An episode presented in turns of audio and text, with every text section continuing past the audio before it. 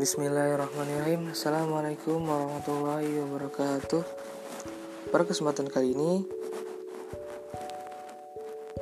Saya akan menjawab soal nomor 19 Mengenai bagaimana perbedaan dari segi fikih muamalah Antara praktik gadai syariah dan konvensional.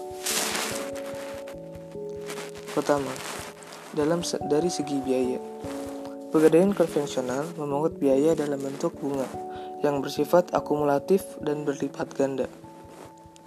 Sedangkan pegadaian syariah tidak berbentuk bunga, akan tetapi berupa biaya pemeliharaan, penjagaan, dan penaksiran yang dibayarkan di awal dalam operasionalnya. Pegadaian konvensional memungut tambahan yang harus dibayar oleh nasabah yang disebut sebagai sama modal untung dari nilai pinjaman. Sedangkan dalam pegadaian syariah hanya diperkenankan untuk mengambil sejumlah dana dari biaya perawatan dan sewa atas pemeliharaan barang jaminan. Jaminan dalam jaminan. Pegadaian konvensional hanya melakukan suatu akad dengan jaminan barang bergerak yang bisa ditinjau dari aspek hukum konvensional.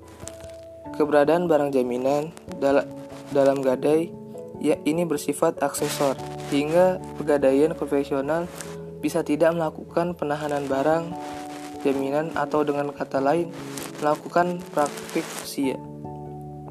Sedangkan dalam pegadaian syariah secara mutlak keberadaan barang da barang dagang untuk membenarkan penarikan simpanan. Gadai menurut hukum. Hukum perdata dilaksanakan melalui suatu lembaga atau adanya perum pegadaian dan pegadaian syariah menurut hukum Islam dapat dilaksanakan tanpa melalui suatu lembaga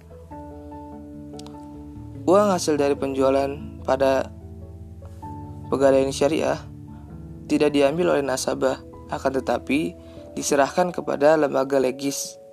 Sedangkan dalam gadai konvensional, kelebihan uang uang hasil lelang barang tidak diantar oleh nasabah, akan tetapi menjadi pemilik pegadaian. Ya mungkin itu.